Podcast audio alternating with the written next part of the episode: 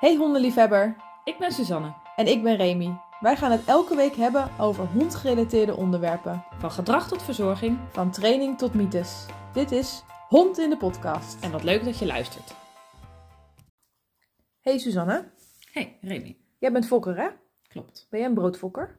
Dat ligt eraan wat je onder broodfokker verstaat. Maar ik denk van niet. Ja. Als ik even kijk naar mijn eigen ideeën daarover, dan eh, denk ik niet dat we een broodfokker zijn. Nee. Nee. Nou, we hebben een vraag gekregen. Oh, dan precies mijn laptop uit. Awesome. Ehm, ik wil een hondje adopteren. Ik wil geen broodfok. Hoe kan ik dit vermijden? We hebben al eens eerder een podcast gemaakt over het adopteren van een hondje. Ja. Ehm, Laten we eerst even uitleggen wat broodfok is. ja. Wat mij betreft is een broodfok iemand die, eh, die een fokkerij heeft, bezigt. Eh, en daarbij het welzijn van de eh, honden, eh, hoe zeg je dat? Niet gaat boven het eigen gewin. Als ik even maar. google, dan komt er ook een broodfokker is een fokker van gezelschapsdieren, meestal honden of katten. Die fokt met als primair doel geld te verdienen. Daar komt ook de term broodfokker uit, dus Ja. brood. Waardoor het welzijn van de dieren ondergeschikt wordt gemaakt aan de economische belangen. Ehm, en dat kan dus zijn dat iemand zelf pups fokt. Dus dat ze eh, teven hebben staan, liggen, zitten. Nou ja, eh, in een hoek hebben zitten. Die eh, laten dekken en dan komen pups uit en die verkopen ze dan. Ja, Wat er ook gebeurt is dat ze pups importeren, veel te jong, Uit het En buitenland. uit Ja, het buitenland ja, en die dan hier verkopen. Precies. Ehm, Waarbij er dan in beide gevallen dus niet wordt gekeken naar het welzijn van zowel de moederhond als, als de puppies. Nee. Dus wat, iemand stelt ook op de vraag: ehm, wat is er dan mis met een broodfokker? Eh, door een pup te kopen bij een broodfokker haal je een pup in huis met een grote kans op ziektes, afwijkingen en gedragsproblemen. Dat is één kant. Wat er ook gebeurt, en dat staat hier niet, maar dat je de boel in stand houdt. Precies. En het gaat uiteindelijk ook niet alleen maar om de puppies, maar ook om de teven die, de, ik. Ja. die Ja. de, de, Dat- die dat- puppies maken. Want je hebt dan misschien een zieke pup gekocht of een pup met gedragsproblemen. Maar doordat jij jouw geld hebt gebracht daar en tegenwoordig is het ook niet per se goedkoper. Nee. Want dat was voorheen dan nog wel dat je voor 300 euro een pupje kon meenemen van een zogenaamde erkende fokker, want dat zeggen ze dan vaak. Eh, er, is een, er is geen erkenning voor fokkers, Ja, toch? dat vind ik altijd een leuke vraag. Want mensen die, die vragen, eh, die, er wordt echt veel gevraagd naar ben je een erkende fokker? En dan, oké, stel ik de vraag terug, wat bedoel je dan met erkende fokker? Wat er namelijk wel is, is dat er een soort eh, ehm, papier is, of een soort, hoe noem je dat? En bedoel, Een je, verklaring, een registratie. bedoel je besluithouders van dieren? Nee, het is een, Oh. eh, het is een soort ehm, ver- verklaring als het ware dat je bedrijfsma- bedrijfsmatig Oh, eh, die, dieren fokt. Ja. Ehm, maar goed, broodfokkers hebben dat ook, want die doen dat ook bedrijfsmatig. En iemand die nogal, dat nogal meer voor zijn, voor zijn beroep doet, eh, maar het hondenwelzijn hoog in het vaandel heeft, doet dat ook bedrijfsmatig. Dus dat formuliertje, dat zegt enkel en alleen maar iets over de mate van bedrijfsmatigheid van die fokkerij. Ja. Eh, en dat iemand bedrijfsmatig honden fokt, is niet per definitie slecht. Eh, bij een broodfokker is het, is het echt het geval dat het welzijn van de dieren ehm, daardoor in het gedrang komt. Ik krijg niet echt een warm gevoel bij bedrijfsmatig hondenfokken. Eh, nou, er zijn best wel veel fokkers, eh, zeker als je kijkt naar, naar bepaalde rassen. Ehm, gewoon rassen in het algemeen, zeg maar. Eh, waarbij de mensen die dat soort honden houden veel shows lopen, veel actief zijn op shows. Dat zij meerdere honden hebben en dat, zij die, eh, ehm, dat ze proberen het ras in stand te houden, zeg maar, naar hun eigen goed dunken. Eh, en dat zij dus zeer regelmatig nestjes hebben. Bij meerdere honden, omdat ze zelf meerdere honden hebben, heb je meerdere nestjes per jaar. Ehm, Ik, ik zelf zie bij bedrijfsmatig, zie ik al heel snel een soort lopende band hokjes. Nee, nee, dat denk ik niet. Maar men, het, er zijn wel mensen die, die echt wel hun brood verdienen met het, het fokken van hondjes, wat niet per definitie Het welzijnsgaat. het welzijn schaadt. Weet je, ik ken eh, wel genoeg fokkers die daar gewoon een dag bezigheid mee hebben. Ehm, en die nou ja, een aantal honden hebben waar ze dus flink shows mee lopen. En, eh, omdat ze dat leuk vinden, maar ook omdat ze eh, iets voor het ras willen doen, zeg maar. Ja. En met die honden dus de fokkerij eh, ingaan. Wat dus resulteert in dat ze dus wel meerdere keren per jaar een nestje hebben. En dan denk ik op mijn beurt, nou dan ben ik blij dat je daar je hele tijd aan vrij maakt. Zodat je er goed voor kunt zorgen. Ehm, Ik heb Maar tijdens mijn, ehm, tijdens mijn HBO-opleiding dat er iemand bij mij in de klas, in de groep, waarvan zij zelf en volgens mij haar schoonouders eh boxers fokten. Fokken, Mhm. ik weet niet of ze het steeds doen. Ehm, en zij werd altijd pis, pis link als iemand zei broodfokker. Dat die term, zeg maar. Hm. Want het feit, want dat werd dan, hè, broodfokker is meteen slecht daglicht. Meteen ja, eh CQ. CQ is het goede woord? CQ. Ik weet niet. Ja. Ja. Broodfok staat gelijk aan negatief. Mhm. En zij werd altijd echt pislink, want iemand die broodfokte was alleen maar puur inderdaad met geld verdienen met, geld verdienen met die eh pubs. En dat betekende niet dat ze slecht bezig waren. Nou, de definitie van broodfokkerij is dat je het welzijn van de dieren achterstelt. Ten opzichte van je financiële Ja, gewin. dat vind ik ook. Dus nou, maar dat, dat is het ook gewoon. Zoek je het op in het woordenboek, dan komt dat eruit. Dus dat is wat de definitie is. Ja. En ehm, toch vind ik, ja, je hebt het mooi uitgelegd, maar toch vind ik het woord bedrijfsmatig bij broodfok horen en niet per se bij een fokker die het, het ja, voor mij is een fokker die het goed doet, is een hobbyist. Mhm. En een fokker die het bedrijfsmatig doet, is broodfok. En het welzijn van de dieren? Die zit bij de hobbyist. Want die doet het als een hobby, li- vanuit liefde, vanuit... Ja, maar wie zegt dat de bedrijfsmatige fokker dat niet? Ja, nee, dat weet ik niet, maar dat is mijn gevoel Ja. Daar kan je niks ik- van nee, zeggen, Nee, nee, ik- ik dat snap- is hoe ik, het snap- vind. Ik snap dat dat je gevoel is.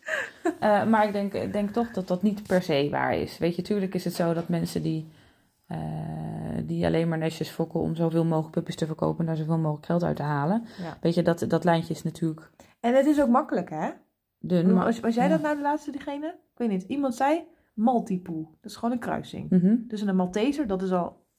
Oh nee, Malteser leert niet. Boemer is een kruising. Een Malteser en een poe- poedel. Ja. Maltipoe. Ja. Ras bestaat er Gewoon, niet. Het is gewoon een ordinaire kruising. Vuilnisbak. kruising. 3000 euro. Klopt. Dat is niet de enige, hè? Alle, alle vuilnisbakjes. eh Dat maakt het toch in makkelijk. Dat, om- Ja, Gewoon pups te kopen en te weer te verkopen. absoluut. Ik zat zelf te denken, nou, ik heb hier huskies zitten. Eentje van is nog intact. Wat kunnen we daarop zetten? Pomskies. Pomskies zijn eh, in, in, in, in de rage. Mhm. Ik heb een husky teef. Laten we er een kleine keeshond op zetten. Want echt niet dat ik Pomeriaan ga zeggen. maar laten we er een kleine keeshond op zeggen. En we hebben pups en dat zijn dan pomskies. Mhm.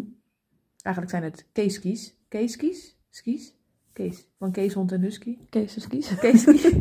Keeski. maar ja, Pomeranian is Engels, hè? Pomeriaan en zo. Dat, Pomeriaan is een broodfokterm. Dat is een designerterm bestaat niet echt. In het Engels is het Pomeranian en in het Nederlands is het klein, kleine keeshond. Kleine kees, small kees, Dwergkees. dwergkees, dwergkees is het meestal. Denk het wel. Keeshond. Maar denk ja, als je die voor 3000 euro kan verkopen, mensen doen dat ook gewoon. En dan is het ook daarna is het ook gekocht is klaar, hè? Doe je geen garantie meer niks. Ja. Niet Nee, dat, dat is zo. Eh, Dan is het ook wel heel verleidelijk om dat te doen. En nou ja, weet je, dat is ook geen wel dat het, wetgeving dat op, het makkelijk geld verdienen is. het, het kan Dat ook allemaal maar gewoon. Ja, het kan ook allemaal maar Sterker nog, het wordt ook wel aangemoedigd in die zin dat op het moment dat jij een bepaald soort hond ehm, verkoopt en je weet dat er meerdere fokkers zijn die datzelfde vuilnisbakje ook verkopen.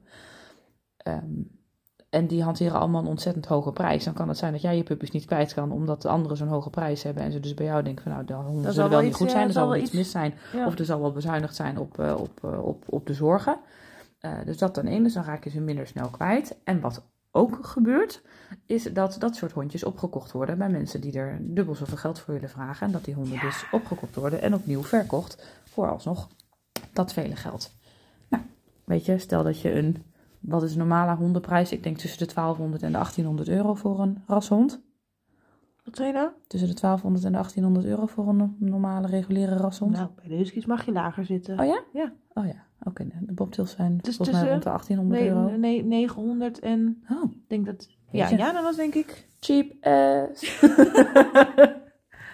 Nee, 900.000, ik weet het niet. 900. nee, geen 900.000. 900, ik weet het niet. 900 of 1000. Jason was duurder. Ja. Het duurst. Jason was ons duurste hond. Ik, volgens mij was die 1200. Maar ik weet niet hoe dat bij andere rasverenigingen zit, maar ik weet dat bij de Huskies in de fokreglement zit, of statuten, dat weet ik niet precies, maar dat er een limiet zit aan wat fokkers mogen vragen. Ja, nou ja, we, we hebben dat toen bij de Bobtails, ik ben het toen een beetje gaan uitzoeken, heb ik dat ook gevraagd. Ook, ook op Facebook fora gevraagd, waar heel veel fokkers op zaten. Eh, van wat is een normale prijs voor een hond? Want ik zie op allerlei, ik zie allerlei prijsvarianten voorbij Ja. komen en dat loopt Ja. tot 3500 euro. Dat je denkt, nou, hè, dat is toch wel royaal. Dan kan je een goede auto van kopen. Ja, dus... Waar overigens soms mensen beter onderzoek naar doen dan naar het kopen van een hond. ja, Dat is weer een ander onderwerp. Eh, maar goed, toen werd er dus inderdaad in die Facebookgroep aangegeven, nou weet je, wij, wij vinden het als gasvereniging ehm, hanteren een soort van maximum van 1800 euro. Ja. Dus als je rond die prijs zit, is het prima. Alles wat erboven zit, moet je je afvragen. Waar ben je? Eh, Is het eh, nodig? Nou ja, precies. Die mensen die on, eh, onnodig veel geld vragen. Nou ja, en dat bedrag is ook, dat neem ik dan even aan, gebaseerd op wat kosten gezondheidstesten. ehm, hoeveel pups komen er gemiddeld uit? Ehm, wat ben je aan voeding kwijt? Dus dat je onderaan de streep op nul uitkomt, zeg maar. Denk ik. Of ben je nog meer kwijt? Ik kan me voorstellen dat als het misgaat dat je misschien meer kwijt bent. Maar in ieder geval... Nou ja, weet je wat het, wat het is op het moment dat je een gelegenheidsnestje hebt? Hè? Stel je bent, bent hobbyist, vindt het leuk en je wil eens een keer een nestje gaan fokken met, Ja, hobbyist met een vind ik dus een, een fokker die is aangesloten bij de rasvereniging. Een gelegenheidsnestje vind ik iemand die een teef heeft en denkt, oh die hond van de buurman is wel leuk. Ja, nee, ja, precies. Dus wat, is, wat bedoel jij met gelegenheidsnestje? Nou ja, dat, dat bedoel ik met mensen die het leuk vinden om een keer Ja, een nestje te Dat fokken vind ik geen hobbyist. Dat is gewoon iemand die gewoon amateur. Oké, Nog meer amateur dan amateur. nee, precies. Nou ja, weet je, stel dat je niet met grote regelmaat eh, een nestje hebt, Ja, je verwoordt het netter dan ik. dan ehm, dat betekent dus dat je allerlei materialen en spullen ook niet in huis hebt en dat je dat dus keer op keer opnieuw moet kopen. Ehm, Ja, of je fabriceert zelf wat. Ja, maar ik heb het, ik heb het ook over op het moment dat, dat de moederhond bevalt aan, nou weet ik veel, voedingssupplementen en dingen die je Oh, moet hebben aan, eh, Ja, aan waar. de touwtjes waarmee je de navelstrengjes kunt afbinden. Of ehm, eh, Ja. nou, weet ik veel, supplementen waar je de puppies mee een beetje adem kunt laten halen. Of zo'n uitzuigsysteempje. Of nou ja, noem het maar. Er zijn best wel veel dingen die je voor een bevalling in huis moet hebben. Of zou moeten hebben, naar mijn mening. Want Ik, voordat je de eh, dierarts op de stoep hebt, is je puppy al dood. Ik ben er één keer bij geweest en dat is het. Dus ik heb geen idee. Ehm, en op het moment dat je, dat je dus dat niet met grote regelmaat, dat je dat niet met regelmaat doet, dan, dan zul je dat soort materialen allemaal gewoon opnieuw moeten kopen. En dan, dan ben je dus duurder uit dan wanneer je het vaker doet. Ja, maar toch denk ik dat als je dan dus zo'n gelegenheidsnestje hebt, zoals ik het dan maar even benoem. Dus ik, ik heb een hond en mijn buurman heeft een hond en die hebben een nestje. Ik vind Ehm, gelegenheidsnestjes per definitie eh, af. Ja, af. ja, maar stel. Dan heb je ook geen kosten gemaakt vooraf. Nee. Dus dat wat jij zegt, dat kan wel. Dat klopt wel, denk ik. Met dat je inderdaad eenmalig dan meer dingen moet aanschaffen. Ehm, maar een fokker die is aangesloten bij de rasvereniging. Voor mij hobbyist. Termen, hè? lastig. Ja, ja, nee, hobbyist, prima. Ehm, die doen meestal, hoop ik toch, eh allerlei erfelijkheidstesten, eh, gezondheidstesten, al vanaf dat die hond. Nou, Pup is nog een beetje jong, maar die zijn al bezig met investeren. Vanaf dat ze die hond in huis hebben, Mhm. totdat ze twee, drie, vier jaar oud zijn om een nestje te doen. Dus daar zijn al veel meer kosten ingegaan. Ehm, en die haal je er denk ik nooit helemaal uit met een nestje, maar... Weet je, het is, ik denk dat je er bij een nestje per definitie vanuit moet gaan dat je er geen geld aan overhoudt, maar dat je er geld op toe... Je moet het niet Ja. erg vinden om er geld op toe te leggen. Tenzij je dus een broodfokker bent. Ja, maar Want dan, doe je dat allemaal niet. Nee, precies. Dan bespaar je lekker op de kosten. En dat, Dan leg je die pups allemaal gewoon in het hooi en in dan, het eh, stro dan zie in, in de garage. eh, wat, wat, wat blijft leven. Hè? Want, eh, want de sterkste blijft, eh, hoe noem je dat? Recht van de sterkste. Ja, nou, mooie koor. Ja. En dan heb je pups. En die verkoop je dan. En dan, eh laat zeggen dat je er dan zeg maar zes hebt. Die verkoop je dan. Dan heb je 6 keer 3000 euro. Nou, laten we niet overdrijven. 6 keer 1000 euro naar binnen geharkt. Dat is 6000 euro. Nou, misschien ben je 1000 euro kwijt. Dat is nog veel geld Aan eigenlijk. de nestje ik. puppies? Ja, ik denk nog minder. Zeker niet.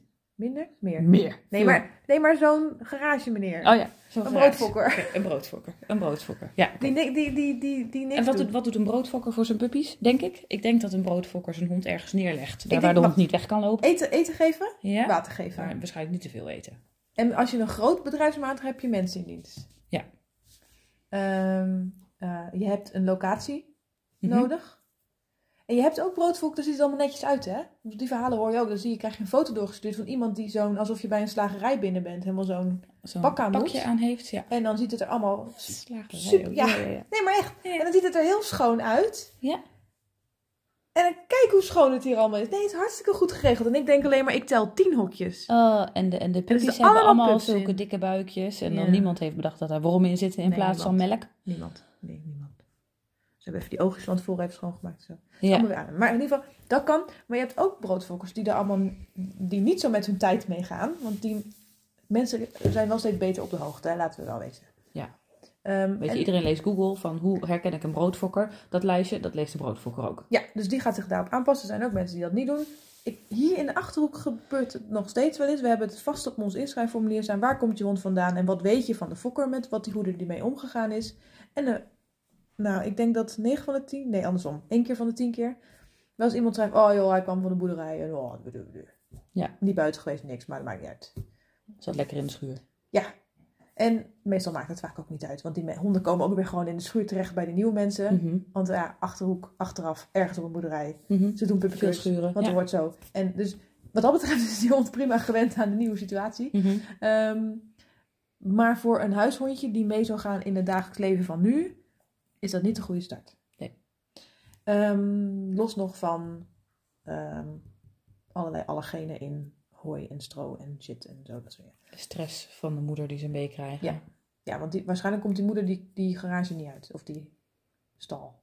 Nee, nou ja, goed, het begint natuurlijk allemaal bij dat. We hebben ook een podcast over puppies, geloof ik, of over. Begin- We hebben het al eens eerder gehad over puppies en Vast, ik weet en- niet meer waar. We hebben een en jaar aan en afleveringen dekken, gemaakt, nou ja, Suzanne. Ik weet niet meer waar we het allemaal over Nee, we hebben. hebben dit wel eens, maar ik zal het kort even aantippen. allemaal nog een keer over hebben. Iets minder uitgebreid misschien. Nee, op het moment dat je een teef hebt en je, en je gaat laten de teef dekken, de teef is drachtig. eh, en je besluit ervoor om je teef, weet ik veel, in de schuur te doen om puppies te krijgen. ehm, een bevalling of een dracht kan heel veel stress met zich meenemen. Ja. Eh, dus op het moment dat een, een, een teef zich niet lekker in zijn vel voelt, en de kans is aanwezig dat hij dat niet voelt op het moment dat hij alleen ergens achteraf loopt te zijn. ehm, en de teef gaat allerlei stresshormonen aanmaken. Dat maakt dat ongeboren puppies al veel sneller verbindingen kunnen leggen in hun brein naar het angstsysteem. Ja. Dat maakt dus dat de puppies nog voordat ze geboren zijn, door de stress van de moederhond, eh, dat ze dus al een verhoogde kans hebben op problemen in dat gebied. Of dat ze veel meer stressgevoelig zijn, eh, omdat die verbindingen gewoon veel harder gemaakt worden. Dus je hebt eigenlijk al een standaard bange pup. Dus je staat al met 4-0 achter. Niet eens 1-0. Of Nee, 4-0. gewoon echt 4-0. Ja. Dat is echt een slecht Dat begin. is wel een verloren wedstrijd ook. Ja, Treurig. nee, ja, wel, ja.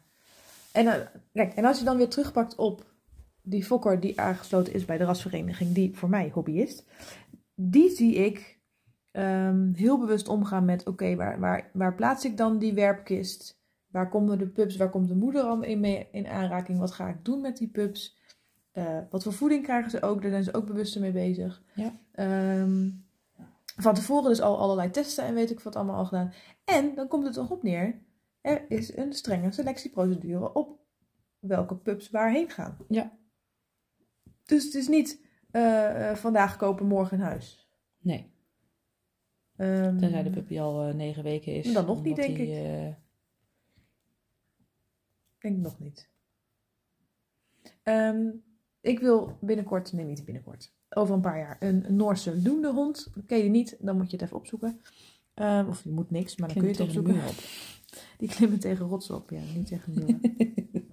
Dat zijn spinnen, Suzanne. maar, ehm één fokker daarvan, die heeft een lijst met geïnteresseerden. En op het moment dat die pups, eh, ik weet niet precies hoe oud zijn, dan gaat ze eens kijken, oké, wat zijn de karakters allemaal? Dat doet ze natuurlijk de hele tijd, hè? dat doet ze dan niet per se op dat moment. Maar... En dan gaat ze, zij matcht die met die mensen. Dus het kan heel goed zijn dat jij al drie jaar op die lijst staat. En dat er iemand is die staat er sinds gisteren op. Maar dat er geen pup is voor diegene die er drie jaar op staat, maar wel een pup voor die van gisteren. Omdat het veel beter met elkaar past. Aan de ene kant denk ik vet oneerlijk. En aan de andere kant denk ik hartstikke goed. Hm. Want het is niet een auto die je koopt. Waarbij het niet uitmaakt hoe iemand met die auto omgaat. Klopt. We hebben het gewoon over een levend Levend dier. wezen. die Ja. minstens tien jaar meegaat. Minstens. Hoop je toch wel. Ja. Nee, precies. Dus het draait erom wat de fokker er aan moeite in gedaan heeft voor zowel de moederhond als voor de puppies. Eh, om ervoor te zorgen dat ze gewoon goed beslagen ten ijs komen op het moment dat ze naar een nieuwe eigenaar gaan. Ja. Weet je, en dat begint inderdaad al met het plaatsen van de werpkist. Op het moment dat de hond buiten het zicht is, dus niet in het huis, Ja. dan kun je de hond niet in de gaten houden. Kun je niet in de gaten houden hoe, het met, met, nou ja, hoe de hond zich voelt, hoe het daarmee gaat, hoe het met de puppies gaat. Nou, En op zich, ik, ik zeg niet meteen dat ik er wat mis mee vind om de werpkist in een andere ruimte te hebben dan je woonkamer of waar je leeft. maar ik vind wel dat het in het huis moet zijn. Ja, precies, maar wel aangrenzend. Wij en wat je daar regelmatig bij moet zijn. Wij hebben bijvoorbeeld de, de keuken daarvoor gekozen. Met als reden omdat we alle andere honden in de woonkamer hebben. En je gunt moeder en, en, en pups gun je ook gewoon rust. Ja. We hebben ook rust nodig. Bovendien is de omgevingstemperatuur rond de 25 graden.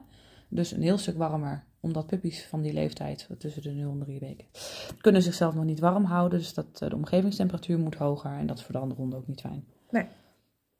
Kijk, en ik weet bijvoorbeeld ook een sledenhondenfokker die eh hebben meestal ook de werpkist net buiten of op een veranda of net in de keuken inderdaad, Mhm. net in de bijkeuken.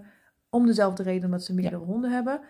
Ehm, en ik weet ook dat nestjes die eh, in de zomer zijn, dat ze soms ook met zes weken al naar buiten verplaatsen. Ja. Maar dat zijn dan meestal ook huskies die in kennels zitten, dus Mhm. gewoon buiten. Ja. Ehm, en meestal gaan die honden ook niet naar huishonden toe. Hm. Dus ja, dat zegt allemaal weer dat daar ook nog een verschil in zit. Ja. Hoe kun je dat dan zelf? Laten we eventjes het terugvertalen naar hoe kun je dat als eigenaar dan allemaal filteren.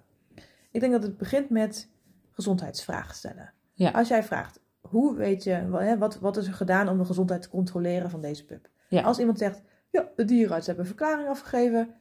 Oké, is dat het? Ja, dan kun je jezelf denken, dat is niet zo bijster. Je kunt gewoon resultaten op vragen. Hè. Wat vaak voorkomt zijn oogtesten en gewrichtstesten. Ja, precies. Maar als die er niet zijn. en die persoon zegt, oh ja, ik heb hier een gezondheidsverklaring van de dierenarts. Ja, zo werkt het niet. Dan ehm, Nou, zijn die testen in elk geval niet uitgevoerd, is dat niet is, de rest niet, is, de rest, is de rest dus onbekend. Ja. Eh, dat kan al een, red flag zijn. Hè? Dus Ja. dat, ik zeg kan, dat hoeft niet, maar dat, meestal kan. wel. Dan, waar zijn ze opgegroeid? Dus waar zit die werpkist? Waar, of waar gaan ze dat doen als ze nog niet bevallen zijn? Ja. Waar leeft moederhond meestal? Wat is er met moederhond gedaan tijdens de dracht? Mhm. Ik ben niet per se anti meteen stoppen en helemaal bedrust en weet ik veel wat. Eh, want als je een hond hebt die bijvoorbeeld heel fanatiek sport en die gaat het ineens niet meer doen, Dat kan, kan ook weer stress opleveren. Ja. Maar bouw het dan wel rustig af. Ja. Ehm, wat weet je over vader? Ik vind zelf altijd, en dat is ook een klein beetje een vooroordeel van mij hoor, maar als er de teef en de reu in hetzelfde huis wonen, vind ik dat altijd een beetje. Kan, kan echt. Het kan ook met erkende ras aange- aangesloten fokkers, kan. Maar, ik- Maar dan, meestal, denk je, dan denk je niet van, god, daar is goed over nagedacht. Is nee, een dat is niet mijn goede selectie geweest over Meestal wat het beste bij pak past. je de teef, hè, dat is de fokkers hebben meestal de teef zelf. Die kijken daarnaar, oké, qua gezondheid is dit goed en dit wat minder. Qua gedrag is dit goed en dit wat minder. En dan ga je een reu uitzoeken die op die plekken waar die teef wat minder zit, waarbij die reu excelleert. Dat je het een beetje combineert. Ja, Ja. toch? Dat, Ja, goed, ik nou heb ja, nog nooit een nest gefokt, maar dat zou Nee, ja, zeker. En als je het hebt over kleurencombinatie of dat soort dingen, dan kun je ook nog, Nog. naar andere genen gaan kijken. Ja.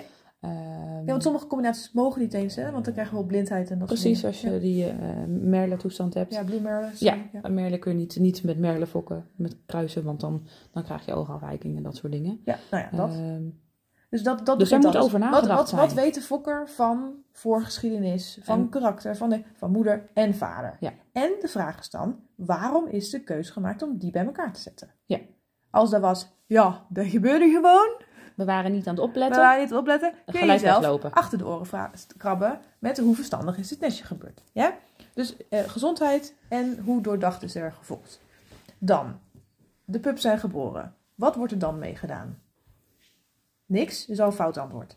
Ehm, nou ja, vraag te veel even, vind ik ook niet goed, hè? vraag even hoe druk ze er überhaupt mee zijn. Hè? Want dat zegt iets over de hoeveelheid zorg die er geleverd wordt. Ja. Want wat zijn ze allemaal van plan? Ik ben ook niet oké met iemand die... Ja, en dan gaan we wandelen en dan gaan we met de auto... en dan staat de tuin helemaal vol met allemaal spullen en alles en overal... en dat die pups nooit rust krijgen. Nee. Dat is ook niet oké. Dus ik ben heel veel eisend, ik snap het. Maar Nou ja, prikkels moeten gedoseerd worden, maar moeten wel voldoende worden moeten wel aangeboden, ja.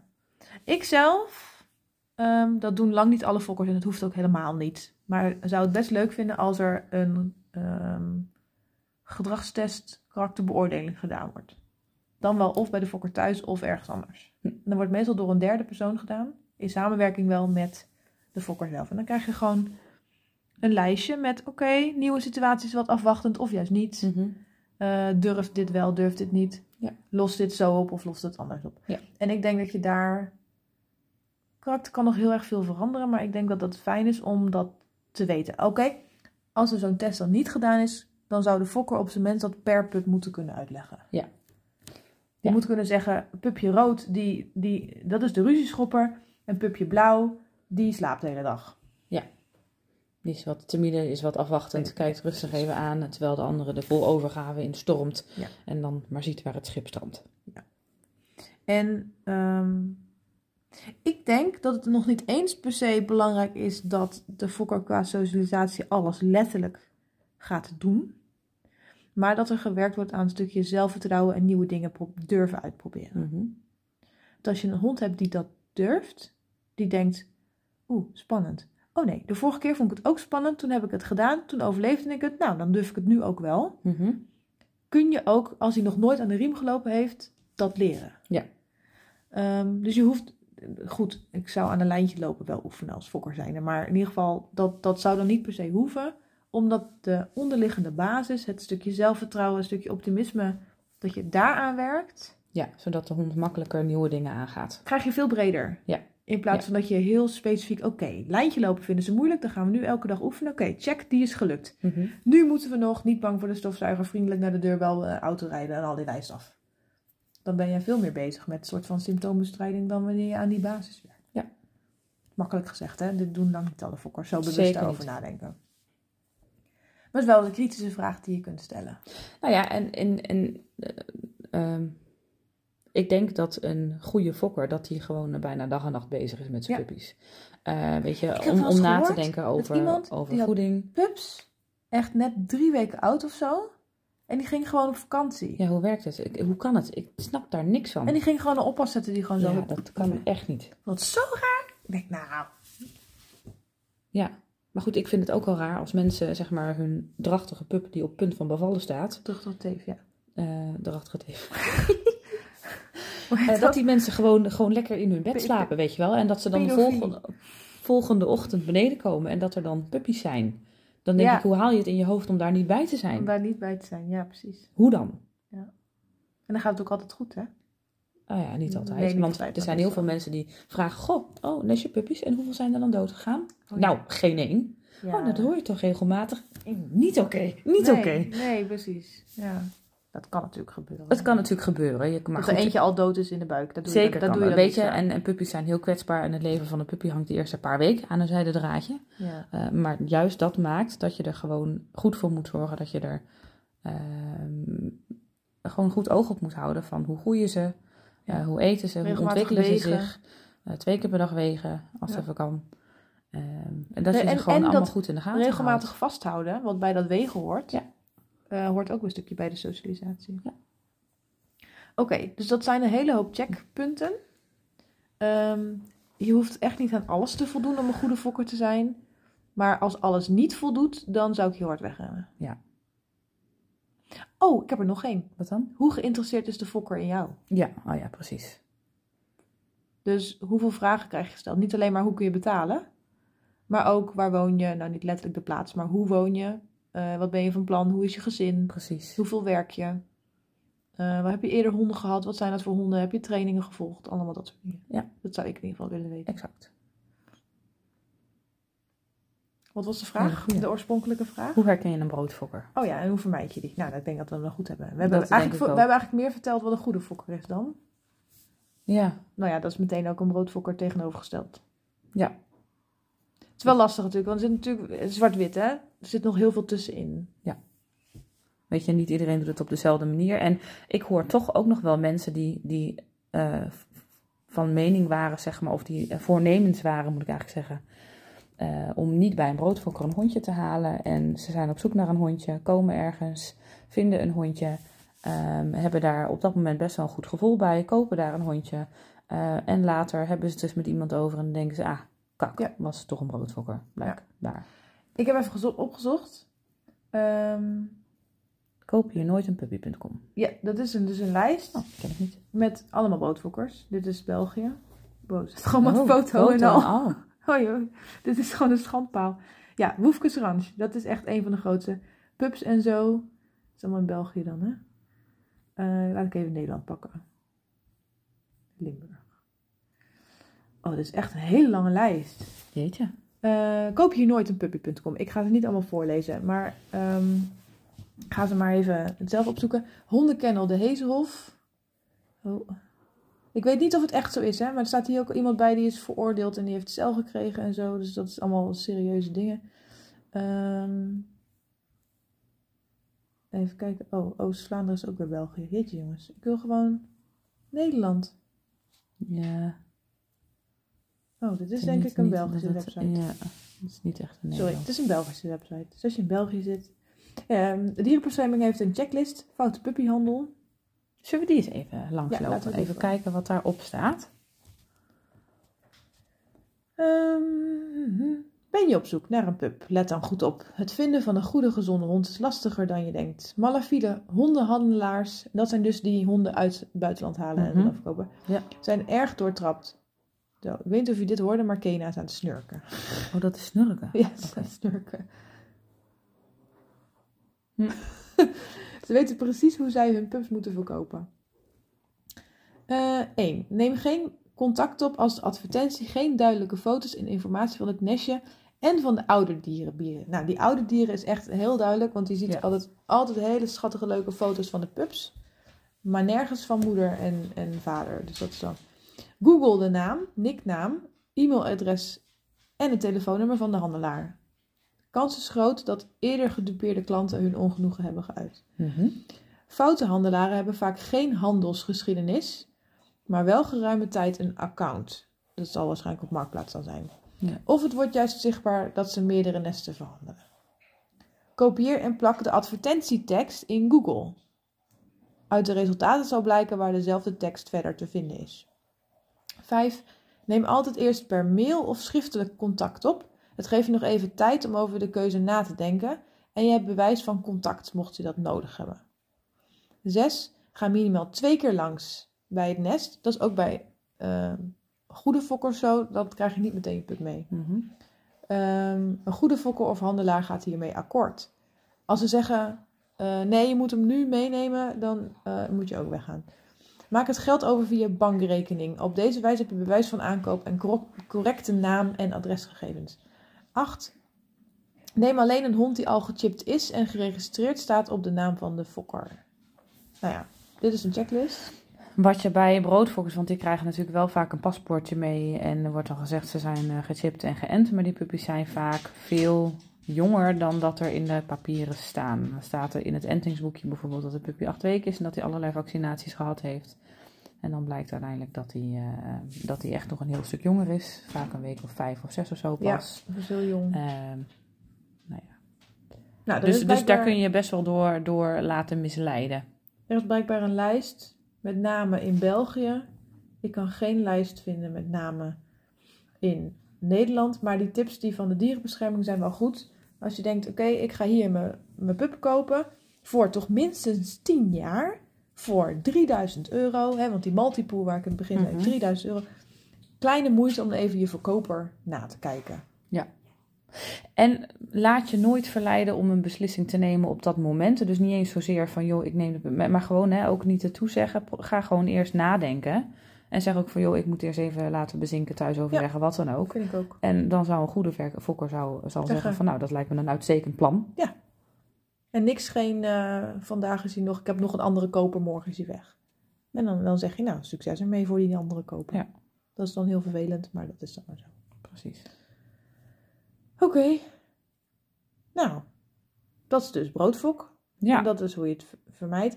En ik wil nog even benadrukken, dit, dit is allemaal, klinkt allemaal heel erg naar en dat is het ook.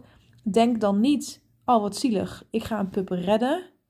Want je houdt daar dus echt alleen maar de boel mee in stand. Ja.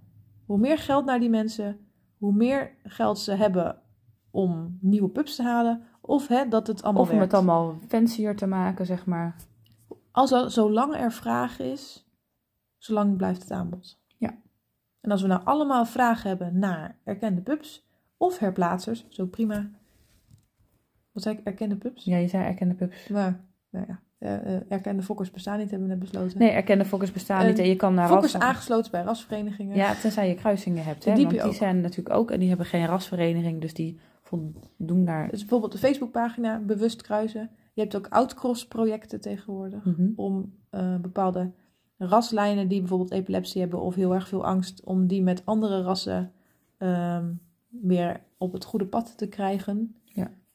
Dus weet je, als je ook kruising hebt, dan weet je, ga gewoon met mensen in gesprek. Ja, En laat ze je uitleggen waarom Eigenlijk ze doen wat ze doen. wat we net allemaal opgenoemd hebben. zijn aangesloten bij een rasvereniging of iets dergelijks. Precies, zijn allemaal ook van toepassing op mensen die Ja. bewust kruisingen volgen. Goed, Nou, genoeg hierover denk ik. dat denk ik ook. Hebben onze trouwe luisteraars nog een eh kleinigheidje? Ik geloof dat wij nog 10% korting hebben liggen. Ja, voor een bellobox. Ja. Belloboxen, dat zijn, ik wil zeggen kisten, dozen. Ehm, met snacks, met kluiven, met beloningssnoepjes. voor harde doorbijters, voor honden die hypoallergeen moeten hebben, voor pups. Eigenlijk voor alles. Je kunt ook een abonnement afnemen, weet Oh, je echt? Dan krijg je elke maand gewoon een box thuis. Is dat heel duur? Ik heb geen flauw idee. Nee, je krijgt in elk geval 10% korting. Nou, ik weet niet of dat op het abonnement ook is. Oh, misschien had ik dat niet moeten zeggen. Hm. Ja, maar een losse box. Om het uit te proberen kun je 10% korting. Ja, Met de code Silver Linings.